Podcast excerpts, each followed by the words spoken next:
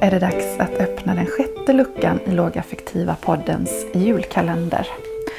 Och där hittar vi frågan Vad behöver du träna upp din acceptans kring för att kunna agera med ett lågaffektivt bemötande?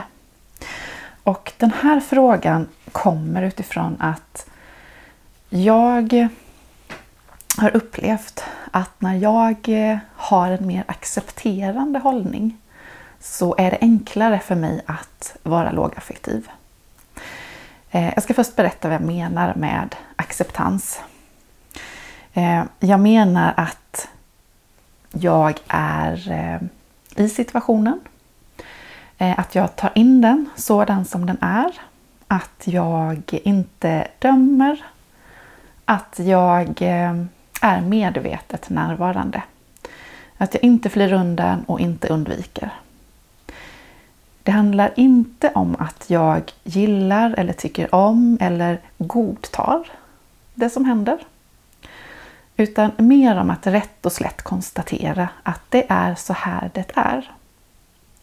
Och när jag har den accepterande hållningen gentemot en person, gentemot situationen som jag befinner mig i, så upplever jag att det blir lättare att agera med ett lågaffektivt bemötande och också att vara mer flexibel i mina lösningar.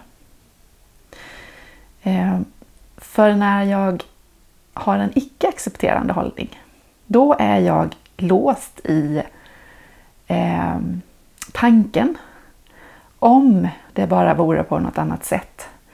Om du bara gjorde på ett annat sätt. Eh, och då är jag också låst i den känslan som följer med det. En känsla av frustration, besvikelse kanske, eller sorg. Eller ilska. Eh, och det underlättar ju inte för eh, ett lågaffektivt bemötande. Jag vet att jag behöver träna upp min acceptans kring att bli avbruten här hemma. När jag läser, skriver, ser film och så vidare. Eh, för att jag ska kunna vara lågaffektiv så behöver jag träna upp min acceptans kring det. Och min fråga till dig är som sagt, vad behöver du träna upp din acceptans kring för att kunna agera med ett lågaffektivt bemötande?